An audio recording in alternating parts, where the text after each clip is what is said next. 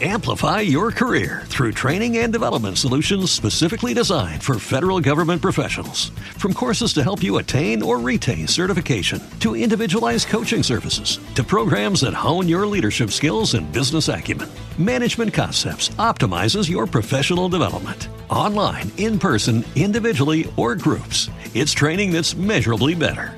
Learn more at managementconcepts.com. That's managementconcepts.com.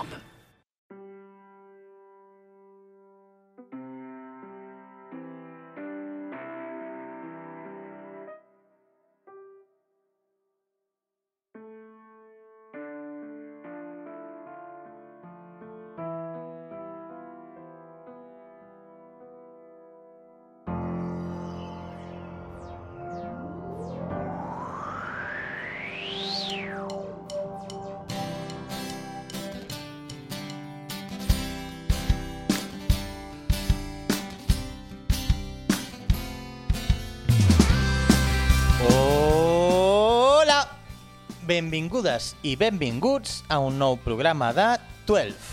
Hola, Mia Morris, com estàs? Molt bé. I tu, Dani Berlín? Doncs molt bé, molt bé, anar fent aquí supercontent perquè fem un segon programa. Què, què farem avui, Mia? Bé, doncs, com vam dir la setmana passada, aquest segon any de, de 12, el que estem intentant fer és donar una mica la nostra opinió, repassar una mica totes les cançons que es representaran aquest any a Eurovisió 2021 i anant, bé, una per una, donant la nostra opinió i dient què en pensem. Uh -huh. uh, la setmana passada eh, recordem eh, que ja vam fer cinc cançons. Vam repassar les cançons de Sèrbia, de Romania, de Grècia, Ucrània i Dinamarca i eh, aquesta setmana ho farem amb unes altres quatre que anirem presentant eh, una a una i després seguirem amb, a, amb el rànquing que estem elaborant, el rànquing particular de 12, que com ja vam avisar és un rànquing completament personal i que és susceptible a variacions depenent de com vagin canviant les nostres preferències o fins i tot els nostres estats d'ànim. Sí, i també recordar que les opinions que donem de les cançons durant el programa d'avui també són personals, subjectives, i per més que Dani Berlín vagi de, de músic i d'expert de, d'expert que- musical... Què vol dir que vagi de... Bueno, per més que sigui un expert musical, les, les seves opinions són subjectives i personals. Encara que no ho sembli, les meves opinions són fal·libles. Poc, però ho poden ser. Meravellós. Humilitat al poder. I bé, crec que estem llestos per començar. Només una última, una última pregunta abans de començar, Dani Berlín. En aquest capítol també tindrem una cançó al final? Sí, en aquest capítol també tindrem una versió al final. Si ja la setmana passada vam tirar d'un refregit, en aquesta ocasió també tirarem d'un refregit i serà una cançó que no és inèdita, que ja vam fer la temporada passada, però crec que no està més eh, recordar-la. Bueno, en qualsevol cas, no ens facis cap spoiler. Uh -huh. I Comencem. Eh, quina, amb quina cançó vols començar? Bé, doncs jo proposaria començar amb la cançó The Right, que ens Mm. porta el representant de Polònia, Rafał Brzozowski. Ho he Molt intentat bé. dir el millor que he pogut. No, Som-hi. no, molt bé. Doncs anem amb The Right. Lights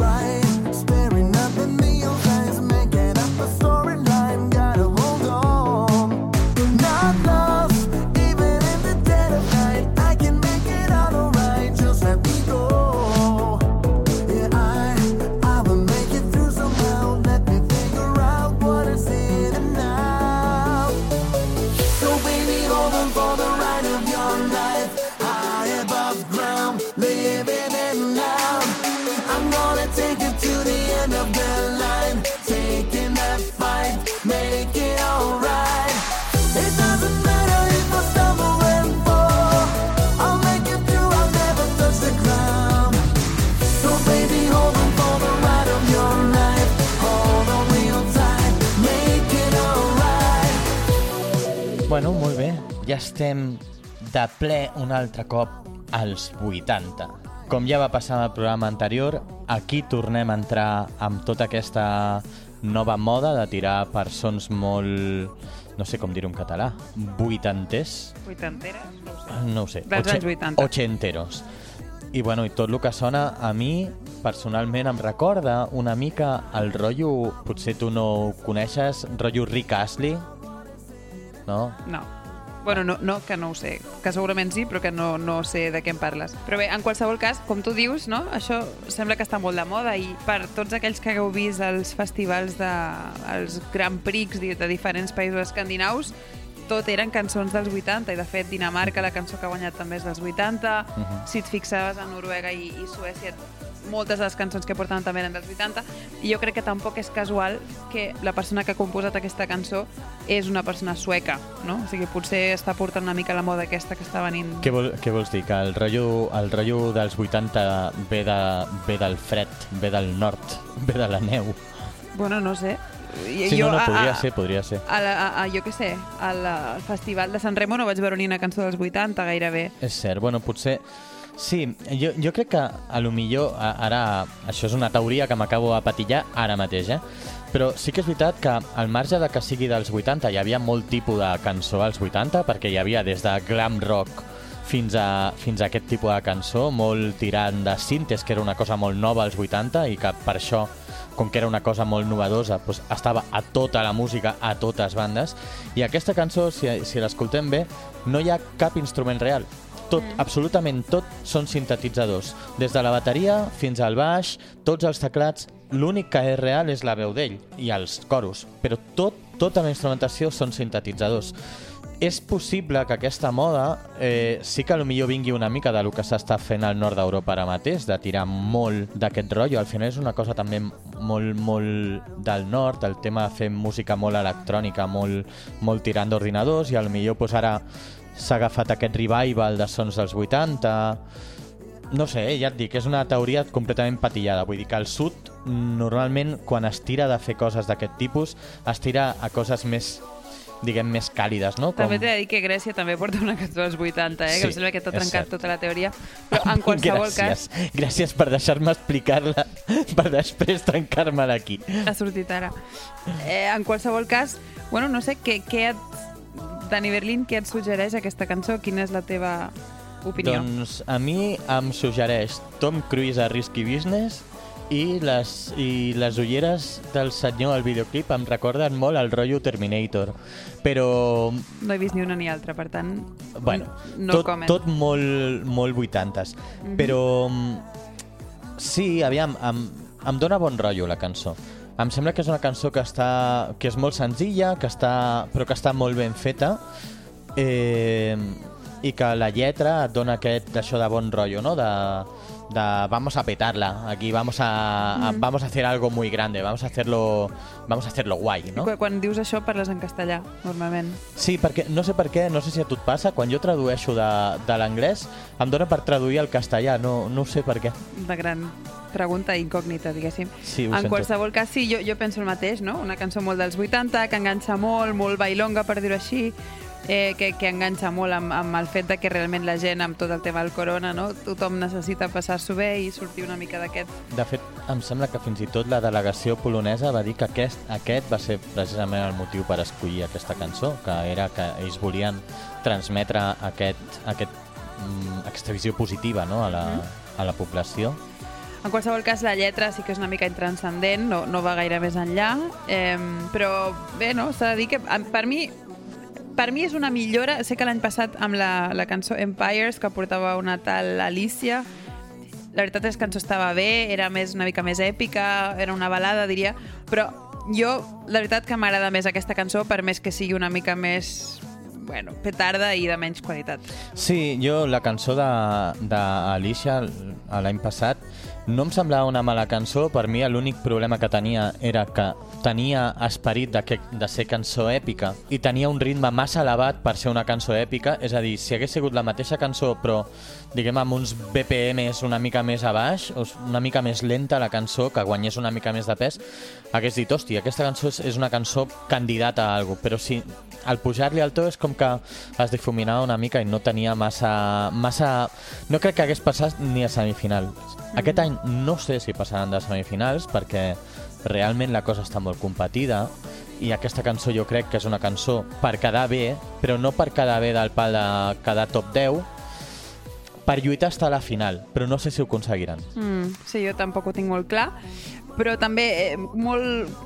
Vull només afegir un parell de coses molt ràpidament perquè ens, ens està acabant el temps per, per, aquesta, per aquest review, però només dir que el cantant, el senyor Rafau, eh, ja ha intentat representar Polònia Eurovisió en el passat, el 2017, però no va ser escollit. Eh, és natural de Varsòvia, també, que és pel que sembla la lletra de la cançó, que parla molt de llums, de neó, de molts colors, etc fa referència a la Varsòvia dels anys 80, Mhm. que es veu que era així com molt, molt colorida. Bueno, com la meitat de capitals a, a, europees als 80. Bueno, no sé, jo et dic el que he llegit. I fins i tot les, Tampoc les existia. ciutats franceses avui en dia són iguals. Sí, però en decadent. Ah, clar, Eh, perquè han deixat les llums dels 80. Efectivament. eh, I després, un altre parell de coses que, que m'han cridat l'atenció sobre ell és eh, que, a part de la seva trajectòria com a cantant i artista, té una trajectòria esportiva en el camp de la lluita. Ah, sí? És un lluitador professional, cosa que m'ha semblat força divertida. I eh, em sonava la seva cara quan el vaig veure el videoclip i això és segurament perquè va, ell va ser un dels presentadors del concurs Eurojunior eh, 2020 que va passar a, a Polònia. I Ahà. si, si no recordo malament, tenia molt mal anglès. O sigui que m'agradaria molt que guanyés ell només per sentir-lo donar les gràcies pel, pel premi. Bueno, doncs ja sabem, a lo millor arribarà, s'obrirà pas a la final, ja sigui cantant o lluitant. Ja ho veurem. Aviam. Bueno, què tenim ara, Mia? Doncs ara tenim el grup italià Måneskin. Mm, amb això la- no sona massa italià. No, és danès per Clar de Lluna, de fet, Mm -hmm. amb la cançó City e Buoni.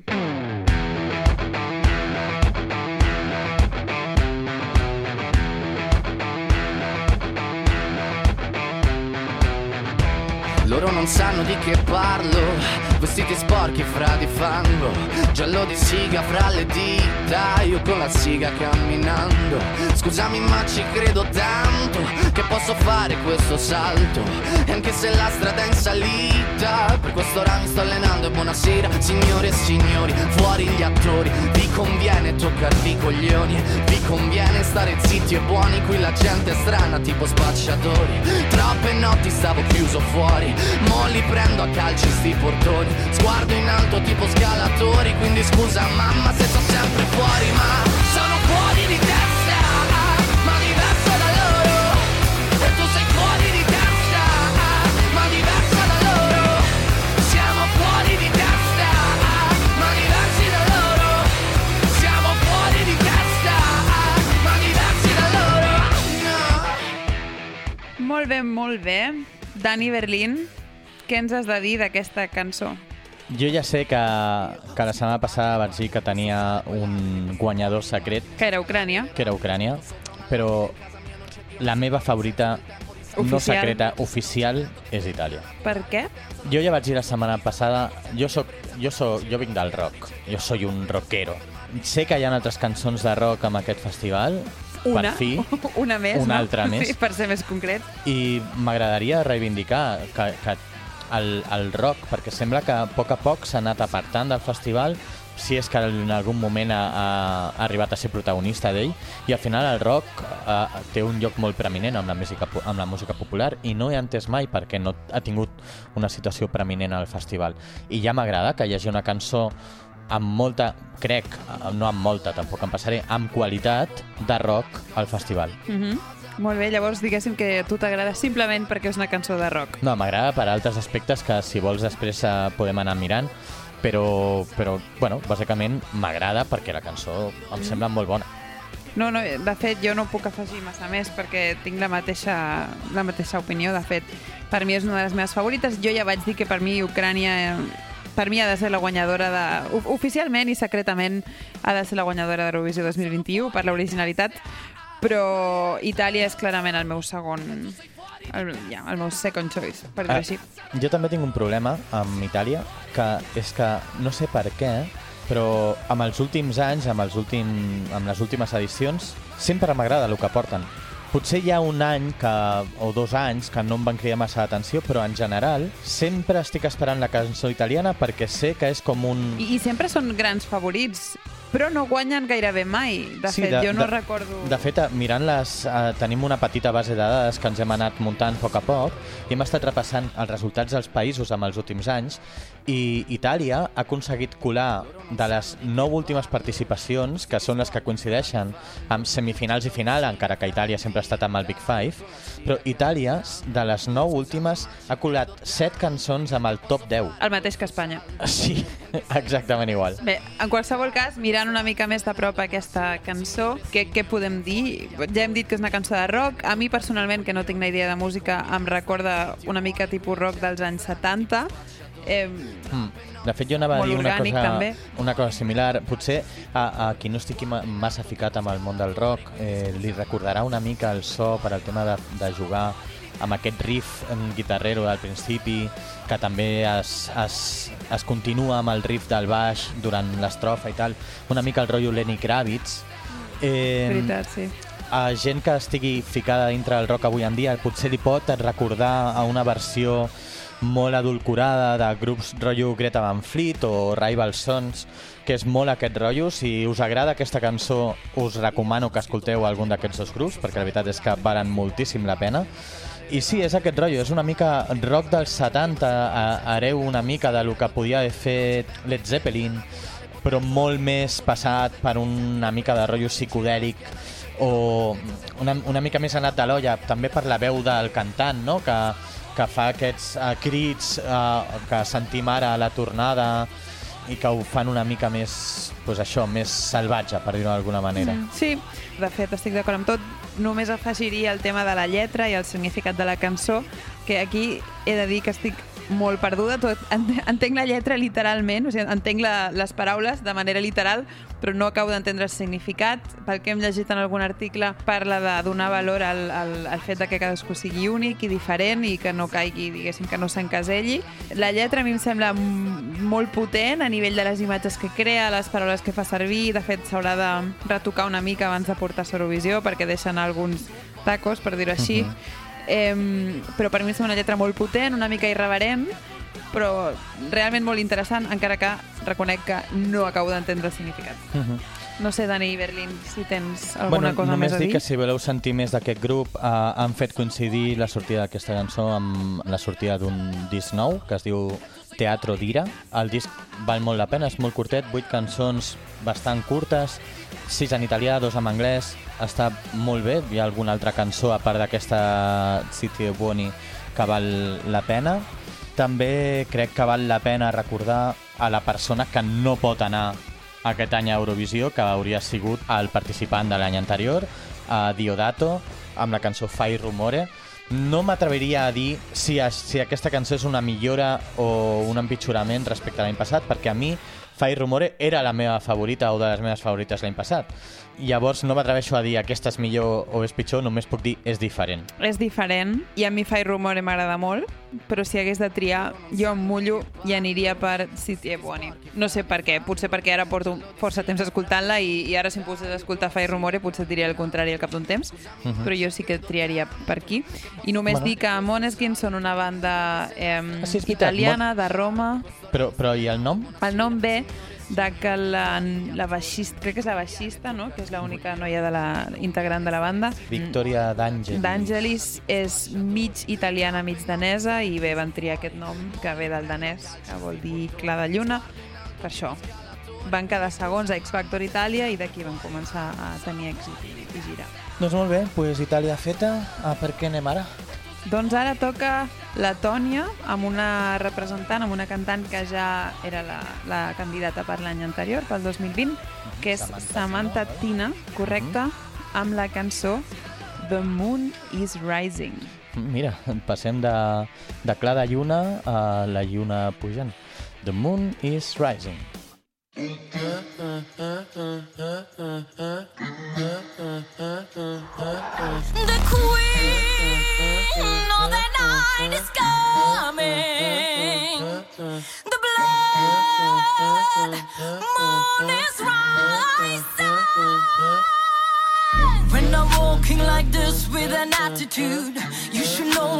coming after you.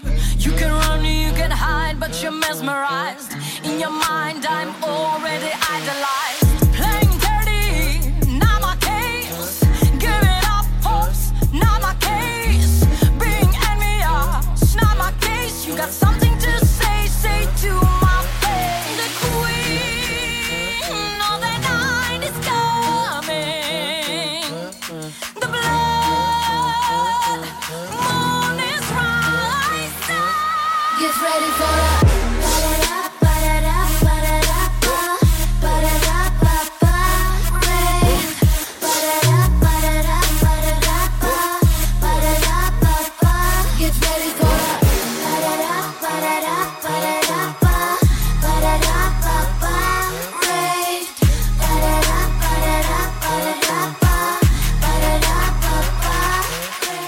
Bueno, pues The Queen of the Night is coming. La veritat és que a mi aquesta noia ja m'agradava l'any passat i aquest any pues, també m'agrada molt el que porta. A tu què et sembla, Mia? Sí, de fet, a mi fins i tot diria que m'agrada més. L'any passat m'agradava la cançó que portava, m'agradava la temàtica, que és molt semblant a la d'aquest any, però em feia una mica de por. No sé, no, no sé la- l'actuació d'ella em feia una mica de por, em semblava una mica Que era una mica disturbing. premonitòria, si te'n recordes, perquè portava la, com la barrera aquesta... Ah, sí, com una mascareta com una d'aquestes mascareta d'aquestes Que fa com- pantalla, no? Sí, que fa pantalla, després portava el flu-flu, que podia ser Flu-flu, premonitori... Sí, sí, flu-flu. Com un spray d'un detergent o un desinfectant o alguna Sí, així. que sembla molt premonitori a el que vindria només dos mesos després. Pues potser ella sap coses que la resta Sí. no sabem. Però a- en qualsevol cas, a mi m'agrada encara més aquest any. La cançó em sembla que té millor gust. No sé, em, em sembla... La veritat que, que m'agrada molt l'actitud que té ella sobre l'escenari, o, bé, almenys el videoclip, que és l'única cosa que he vist. I no sé, la temàtica, com ja hem dit, és una temàtica molt semblant a la de l'any anterior, és una temàtica feminista que posa en alça el valor de, de la dona i de que, bueno, doncs de que les dones també doncs, han de... Diu que d'alguna cosa així com que elles també han de posar les seves pròpies normes i que va molt a to amb la, amb la temàtica d'avui dia de lluita feminista. A mi la veritat és que, com tu bé dius, em sembla que la proposta és molt bona. Considero que és molt bona a moltíssims nivells. Eh, sé que no és de les favorites eh, en cap cas, en No? cap de les llistes. He arribat a, a veure, a llegir comentaris per foros de aquesta tia quan crida em fa mal al cap. A mi em, em, la veritat és que em sap greu perquè considero que no és la meva favorita, però sí que és de les meves cantants favorites aquest any. Crec que és tècnicament és, és una bestiesa el que és capaç de fer aquesta noia amb la veu. Crec que té molta potència, té molta tècnica i fins i tot quan baixa una mica a fer, dic baixa amb el bon sentit de la paraula, Vull dir, quan baixa a fer coses que no depenen d'això, sinó que depenen més de- d'addicció, no? que va més a fer La interpretació. línies més interpretatives o fins i tot arribant a, a un nivell de hip-hopero, per dir-ho d'alguna manera, eh, ho fa molt bé. La veritat és que ho fa molt, molt bé.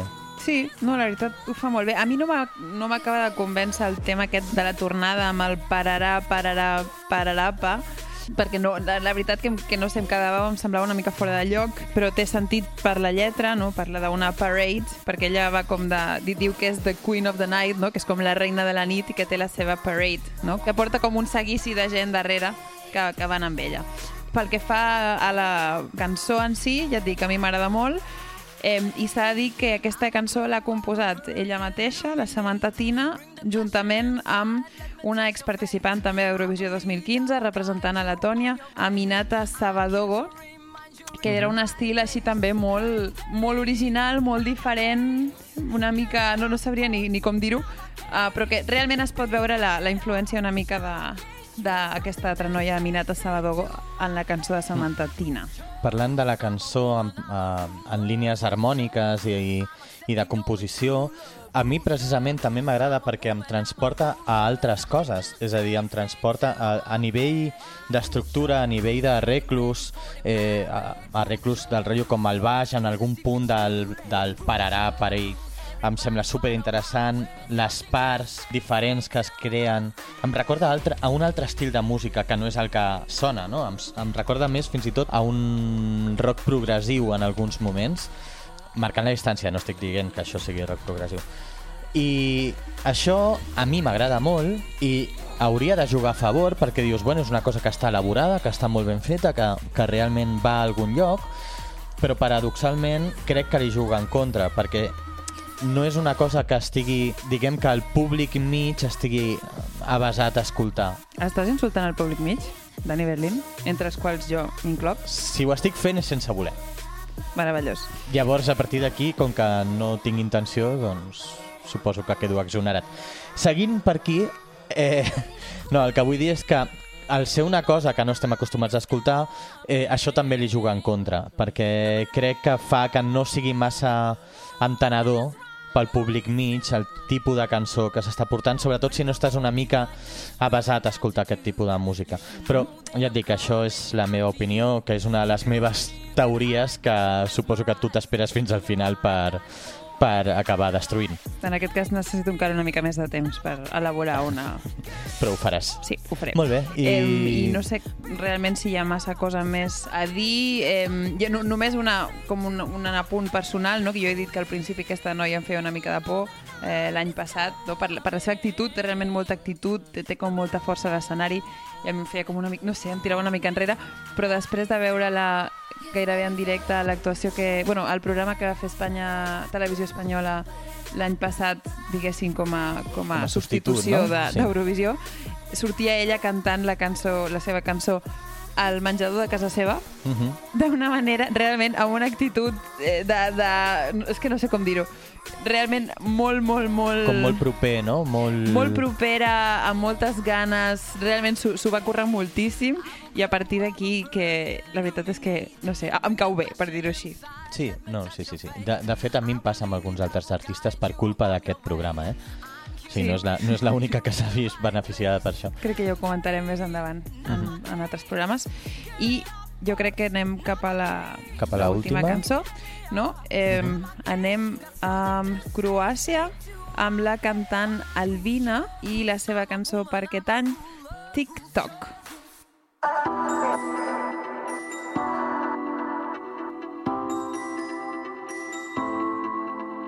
Tried to fix the broken pieces, now I'm leaving. But you made it loud and clear I'm not enough. Try to fool me more than once to keep me dreaming. Cause you knew the truth will tear us apart. If you pull me down, then I'll come around and rise up to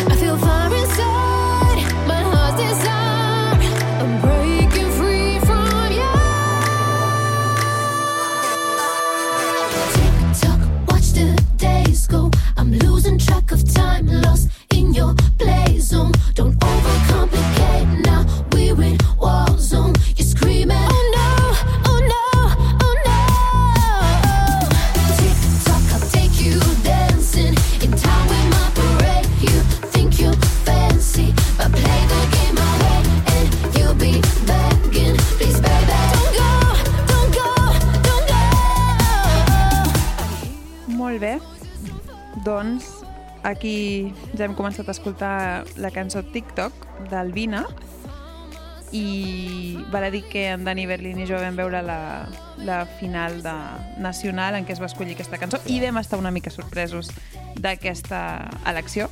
Uh -huh. Però bé, a partir d'aquí, Dani Berlin, què ens has de dir de, de la cançó TikTok? Pues si amb moltes de les cançons d'aquest any parlem de, de Viva en los 80, amb aquesta jo no puc pensar en una altra cosa que Viva Britney Spears. Vull dir, em recorda moltíssim, igual que em va passar, em sembla que va ser fa dos anys amb la representant de Bielorússia. Eh... Ah, era molt divertida. La sí. cena, no? Sí, Sena. Pues em recorda molt aquest rotllo. Sí que és veritat que ha passat per un tamís de so vents sintetitzats de la tornada, no? que, que aquest any els escoltem amb amb altres cançons, com amb Malta, per exemple, sense anar més lluny, eh, o amb San Marino, que fa molt modern. Però, per mi, a l'estil de la cançó no deixa de tenir aquest, aquesta reminiscència a Britney, que, bueno, no és ni bona ni dolenta, és el que és, no? A veure, jo he de dir que sincerament jo no m'esperava que anava a guanyar aquesta cançó a la final de, crec que es diu Dora, no? L'exploradora, sí. E- Efectivament. Però com més escolto la cançó, més m'agrada He de dir que al final la cançó realment enganxa molt i, bueno, és una cançó que després te n'en recordes, no? De, de fet, TikTok, que és tan fàcil de recordar i, no sé, la melodia també és fàcil de recordar. Em, la lletra em sembla absolutament irrellevant, realment no, Sí. no diu res, crec que parla d'una ruptura amorosa i de com ella doncs, torna a agafar força i a ser ella mateixa i diu que se'n sortirà, o sigui, el missatge està bé, però la, la lletra no té res d'original. Es pot dir que la noia també, durant l'actuació, la interpretació va ser molt bona Sí. i a nivell també de coreografia ballava molt bé. Porta un cabell espectacular, molt bonic, que és el que, el, realment el que més em va agradar de l'actuació en directe, almenys. Um, Podríem dir que va guanyar pels pèls? Sí, ho podríem dir. És molt agafat amb pinces, però El, Bé. el cabell. sí, això mateix. Em, però res, a partir d'aquí, no sé, crec que no quedarà del tot malament, no? Sembla que, que la cançó s'està valorant força bé dintre de que no és una de les favorites. No, per mi està... mm, Ja ho aniré matitzant quan arribi. Diguem que hi ha un, un nucli dur de, dintre de les cançons petardes d'aquest any i jo diria que TikTok està en, amb el nucli satèl·lic de les cançons petardes, però al final a dintre de, de les cançons petardes. Parlant del Dora, és super curiós perquè no estava entre les que tu i jo, quan estàvem mirant el festival, pensàvem que guanyaria, i de fet van haver com rumors de que hi havia hagut tongo. Uh, Ah, sí? Sí, sí. Eh, hi havia una senyora que, mm, no me'n recordo com es deia, que era la que estava cridada a guanyar el que festival anaven aquest any. vestides així una mica rares. Sí, que Sí. anava, sí, era Tenien com molt el nom, mitològic. portaven el nom d'una ciutat croata, em sembla. Sí, cert. Pues aquesta senyora es veia guanyadora, perquè a totes les apostes pues, semblava que sortia com que clarament era guanyadora i la senyora es va quedar amb, pasta, amb una cara de moniato absoluta quan va veure que no guanyava. I de fet... Cara de moniato. cara de pasta... Volies dir de pasta de- Cara de pasta de moniato. Ara. Fet aquí una mescla rara. Es va quedar amb una cara de, de no us estic matant a tots perquè estic en directe. Acte seguit, el que va dir en el backstage és que allà hi havia hagut un tongo claríssim i es veu que fins i tot pues, va, va fer arribar una carta a l'organitzadora croata de que allà se, que aquí que solo robar, no? No s'han tangat. I, bueno, i la, la televisió croata, òbviament, va desviar pilotes fora, no, no, aquí s'ha recomptat tot, que sí que és...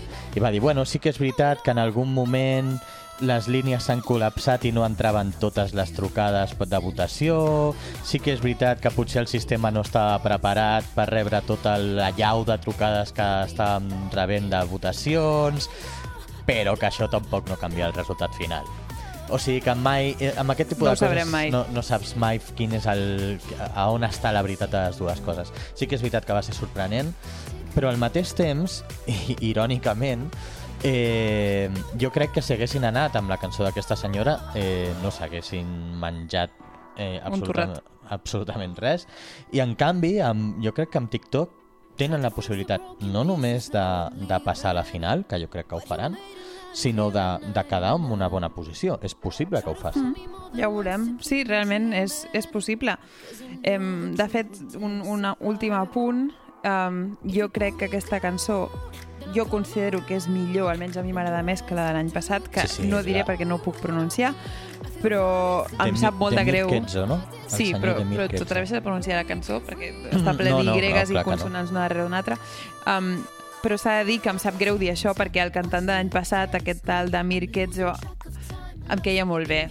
Se'l veia així com un home molt senzill, eh, molt humil, també crec que va cantar l'especial aquest de televisió espanyola, així com també des del menjador de casa seva, molt divertits, eh, i realment em sap greu que no, em sap greu que, que no hagi pogut participar aquest any a Eurovisió. Em sap greu i a sobre m'agrada més la cançó d'aquest any. Bueno, doncs molt bé, ja hem fet les quatre cançons que tocaven avui.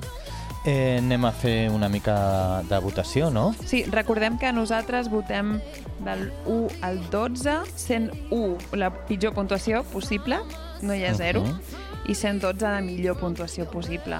Això és una, una com ja ha dit Dani Berlin al principi a la introducció del programa, aquesta puntuació la donem segons com estem avui, com ens trobem avui, quin és el nostre estat anímic. Potser la setmana vinent o en el programa vinent direm una cosa completament diferent. Um, però bé, ara direm una mica com ho tenim per, per les cançons que hem estat escoltant. Quina nota els posem? Comencem per Polònia, avui. Eh, Mia, quina nota li poses a Polònia? Aviam. Doncs del 1 al 12 i per mi un 6 és un aprovat. Torno a dir que crec que tenim una mica escales diferents aquí quan, Sí. quan posem les notes. Em, jo li posaria un 7 a Polònia. I tu, Dani Berlin? Mm, Jo li posaria, tenint en compte que, com ja vaig explicar la setmana passada, per mi la puntuació és del 1 al 10 i a l'11 i al 12 me la reservo per coses realment excepcionals, però per mi l'aprovat segueix estant al 5. Eh, a Polònia li poso un molt ben treballat 6. La següent cançó que tocarem serà Itàlia. Sí, aquí jo poso la molt generosa nota d'un 11. Molt bé, molt bé, molt, molt, molt generosa. Eh, doncs jo no seré, no seré menys i els hi donaré un 11 també. Molt bé, estem d'acord.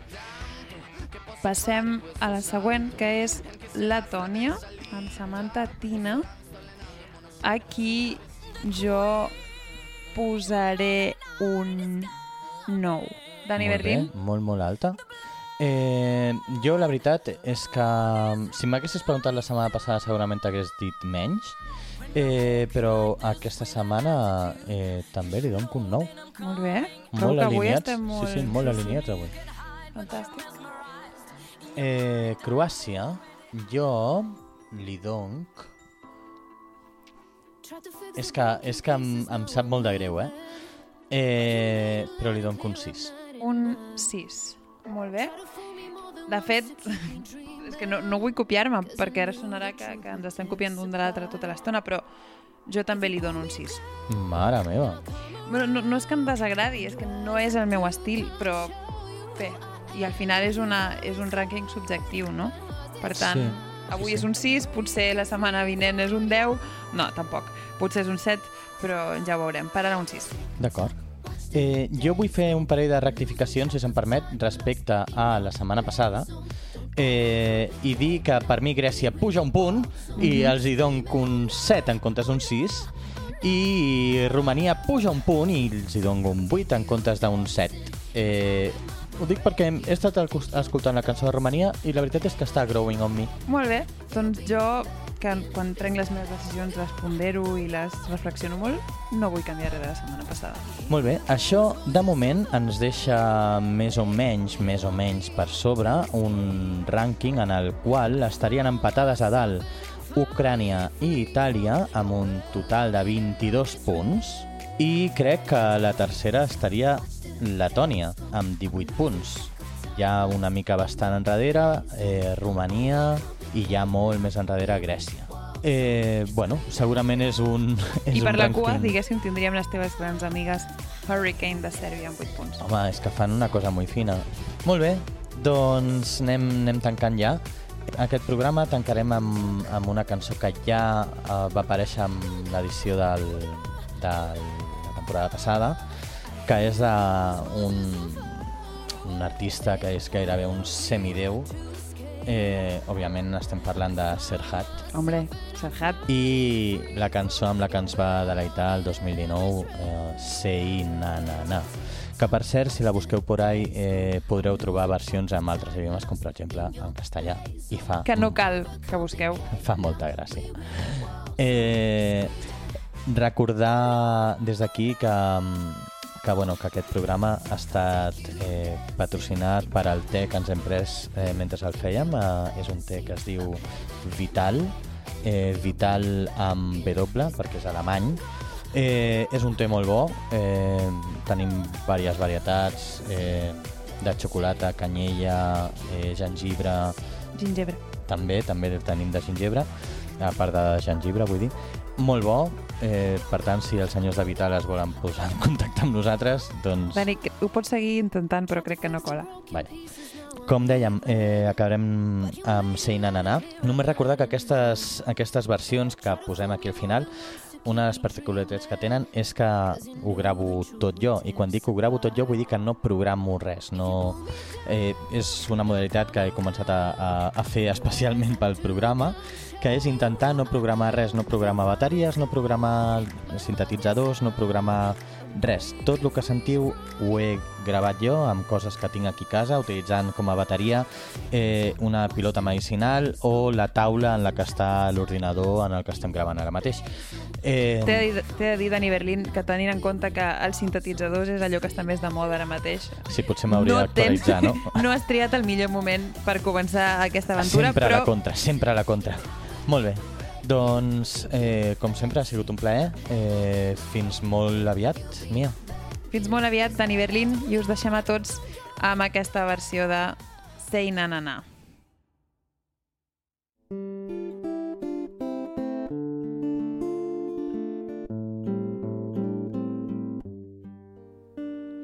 You look sad and lonely. Is something wrong tonight? Why this rush to run away? Things will be alright. Just be strong and look at me. Hear me when I say, Who cares that you're out of love? It happens every day. All your dreams have gone away. No matter what you do, love the colors of this life and to yourself be true. Don't forget my number. Call me anytime. I will always tell you life is beautiful and fine. Say na na na. On a dark, deserted way, say na na na. There's a light for you that waits, it's na na na. Say na na na. Say na na na. You're not alone, so stand up, na na na. Be a hero, be the rainbow, and sing na na na. Say na na na.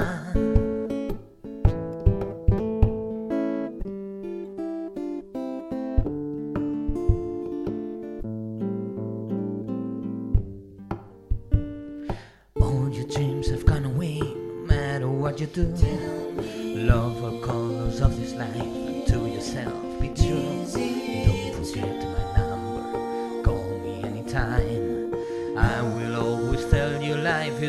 Beautiful and fine. Say na na na, on a dark, deserted way. Say na na na. There's a light for you that waits. It's na na na. Say na na na. Say na na na.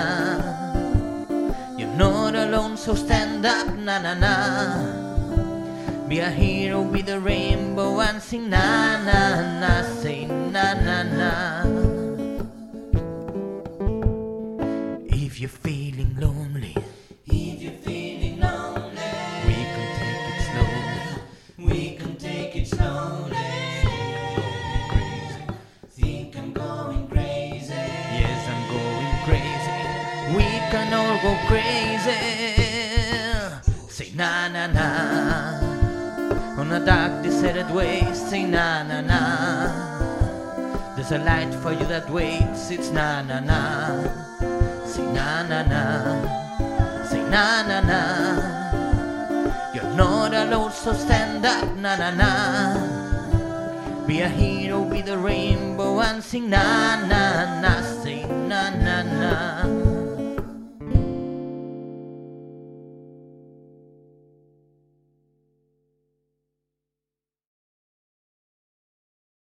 Amplify your career through training and development solutions specifically designed for federal government professionals. From courses to help you attain or retain certification, to individualized coaching services, to programs that hone your leadership skills and business acumen, Management Concepts optimizes your professional development. Online, in person, individually, or groups, it's training that's measurably better. Learn more at managementconcepts.com. That's managementconcepts.com.